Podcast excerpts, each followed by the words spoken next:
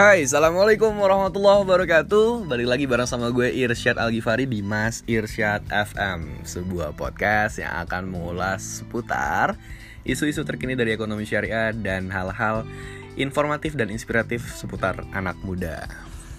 Guys, kali ini uh, gue membahas satu hal yang paling penting Yang harus lo siapin pada saat menuju fase quarter life crisis sebenarnya nggak hanya untuk quarter life crisis juga sih untuk beberapa tahun ke depan karena banyak uh, apa namanya uh, tawaran beasiswa S2, uh, tawaran beasiswa S1 dan sebagainya. Pertanyaannya juga mirip. 5 tahun nanti 5 tahun ke depan kamu akan jadi orang yang seperti apa? 10 tahun lagi kamu akan kerja di mana? 20 tahun lagi kontribusi apa yang akan kamu berikan untuk negara ini? Dan nanti kalau kamu mati, pas orang yang ngelayat datang, kamu ingin dibicarakan apa sama para pelayat itu terhadap kematian kamu. Nah, hal-hal gini nih sebenarnya hmm, jarang kita pikirin karena hidup tuh udah let it flow sih ngalir aja dan sebagainya. Guys, kalau lu tahu arti makna hidup, bahwa hidup tuh nggak hanya sekedar ngalir kayak air. Tahu kan ending air tuh di mana? Air itu secara secara sainsnya mengalir dari tempat yang tinggi ke tempat yang rendah. Jadi kalau hidup lu hanya ngikutin kayak alurnya air, berarti lu akan turun derajat, lu akan menurun fase prestasi, kemuliaannya akan turun dan sebagainya. Kalau makna dari sudut pandang ini aja, tentu memang air bermanfaat bagi kehidupan dan sebagainya. Tapi dalam konteks uh, alirannya ya tadi dari tinggi ke tempat yang rendah. Hidup ini nggak sekedar seperti aliran air, hidup ini uh, kayak lu main luar tangga. Kayak lu pada saat masuk labirin. So hidup ini juga perlu untuk menyusun strategi life plan. Jadi bahasan kali ini adalah bagaimana cara menyusun strategi life plan.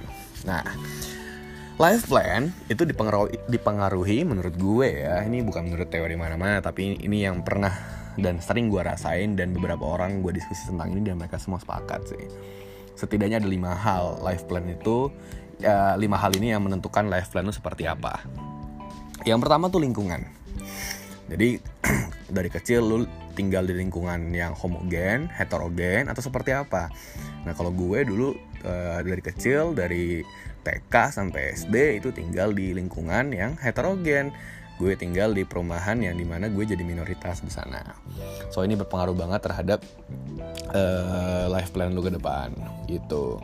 Atau lu tinggal di lingkungan uh, di luar negeri misalnya.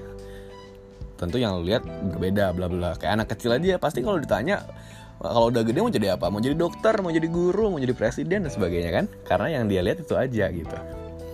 Nah, yang kedua faktor keluarga sering gak lu diskusi sama ayah lu atau ibu lu atau adik lu atau kakak lu budaya diskusi aktif nggak di di rumah lu dikasih ruang untuk berpikir kritis atau tidak nah kalau lu biasanya cuman Uh, pokoknya ayah, papa, mama maunya begini, dia jalanin jebret, uh, gitu. Nah itu itu mempengaruhi life plan juga.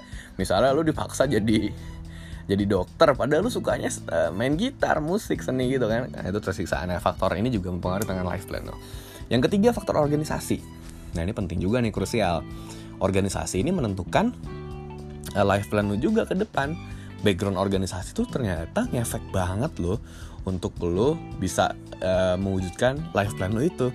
Misalnya misalnya si A dia adalah ketua hmm, forum mahasiswa ilmu politik Indonesia misalnya. Dengan background dia itu, dia masuk partai politik atau dia mau jadi politisi atau salah satu tujuan besarnya adalah dia ingin jadi negarawan karena negarawan itu salah satu jalurnya adalah politisi gitu. Nah tentu mempermudah nggak dia dia masuk uh, untuk mewujudkan impiannya? Tentu mempermudah. Nah yang keempat traveling. Nah ini penting banget kalau di agama gue di Islam tuh diajarin uh, kita harus fantasi feel art bertebaran di muka bumi Allah gitu. Jadi semakin lo jalan jauh dari tanah air, semakin lo tahu gimana caranya mencintai negeri ini. Dan ketika lo traveling, lo ke mana, lo akan melihat kehidupan yang sebenarnya gak ada yang ideal di dunia ini gitu. Nah di situ lo akan bisa menjadi orang yang rasional realistis tapi tetap visioner gitu nah yang kelima sahabat. Ini supporting system yang menurut gue paling salah satu yang paling uh, apa ya memberikan efek yang besar bagi life plan lu sih. Kalau lu nggak punya sahabat cuma punya teman banyak tapi orang yang jadi diskusi lu jadi tempat cerita itu sedikit ini menurut gue uh, sayang banget sih gitu. Lu masih muda tapi lu nggak pernah punya sahabat yang lu jadikan dia advisor lu dan sebagainya. Karena kadang-kadang kalau lu ngobrol sama orang tua juga uh, beda generasi beda usia juga kadang-kadang malah jadi beda pendapat gitu kan.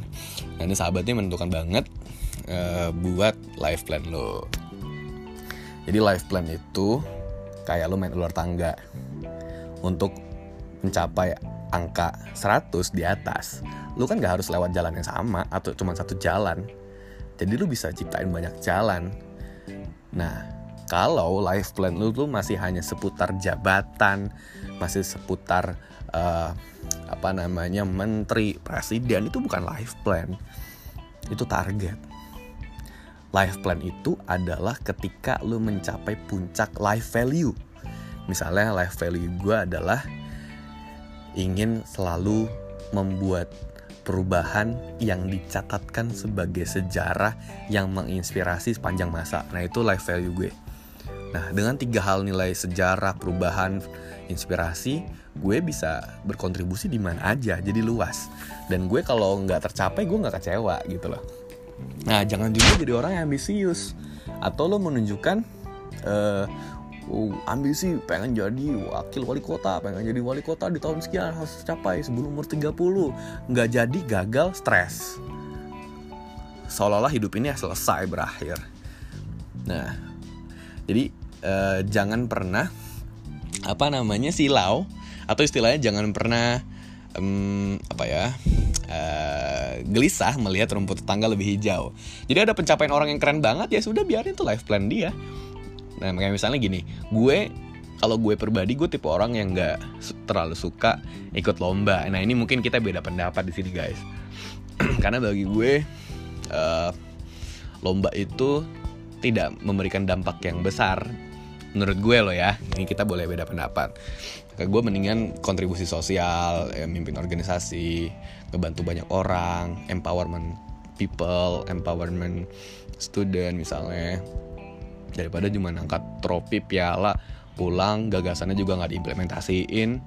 Dan biasanya juga mencapai juaranya juga sikut sana sikut sini. Wow pokoknya ambisi banget deh gitu. Nah gue pribadi nggak terlalu suka. Gue lebih suka kolaborasi sama orang. Nah gitu. Nah makanya banyak loh teman-teman yang gue temuin dia juara lomba tuh sering banget. Tapi nggak pernah nggak pernah dia tuh ngerasa bahagia apa ya senang bersyukur. Malah ketika dia tiba-tiba dapat gagal uh, misalkan daftar exchange di mana, daftar conference di mana gagal, tiba-tiba dia ngerasa oh man, padahal gue tuh udah mempersiapkannya jauh-jauh hari panjang loh, kok nggak bisa-bisa sih, kok malah gagal? Dan ada orang yang daftarnya mendadak tiba-tiba lolos gitu loh. Nah, teman-teman, di sini yang paling penting dari dari semua unsur life plan, yang paling penting adalah faktor Allah dan sholat istikharah ini ngefeknya luar biasa banget. Karena setiap kita melibatkan Allah dan kita ngerasa bahwa kita tuh nggak ada apa-apanya. Kita nggak punya ilmu yang cukup tanpa Allah tanpa ridho orang tua. Di situlah posisi di saat kita sudah mencapai titik paling pasrah biasanya Allah tuh mengasih Hai Irsyad ini aku kasih. Aku kasih ujian kamu kebahagiaan. Coba kamu bahagia tercapai life uh, jalur life plan kamu sesuai mudah-mudahan uh, bisa bisa berkontribusi banyak bagi bagi masyarakat misalnya gitu. Nah apa namanya? Kalau nggak ngelibatin Allah kita ngerasa kerja keras kita tuh udah cukup buat menghantarkan gitu itu kita namanya sombong. Dan biasanya bahagianya juga sesaat. Sedihnya berkepanjangan. Ngerasa nggak sih? Ngerasa nggak? Terus kalau lo uh, lo nggak ngelibatin Allah biasanya hmm, ya tadi berhasil sih bisa berhasil tapi lo nggak nggak nggak dapat ketenangan hati dan arah yang jelas dalam hidup. Dan dan satu lagi life plan itu lu harus buat banyak opsi. Jadi nggak cuma satu jalan. Karena kalau satu jalan lu gagal sakitnya itu luar biasa banget. Dan biasanya untuk bangkit lagi dari kegagalan itu butuh waktu yang lama faktornya juga banyak buat lu bangkit. So itu beberapa strategi di part pertama dari gue. Semoga bermanfaat buat teman-teman. Sampai jumpa di podcast berikutnya. Salam mas Irsyad FM assalamualaikum warahmatullahi wabarakatuh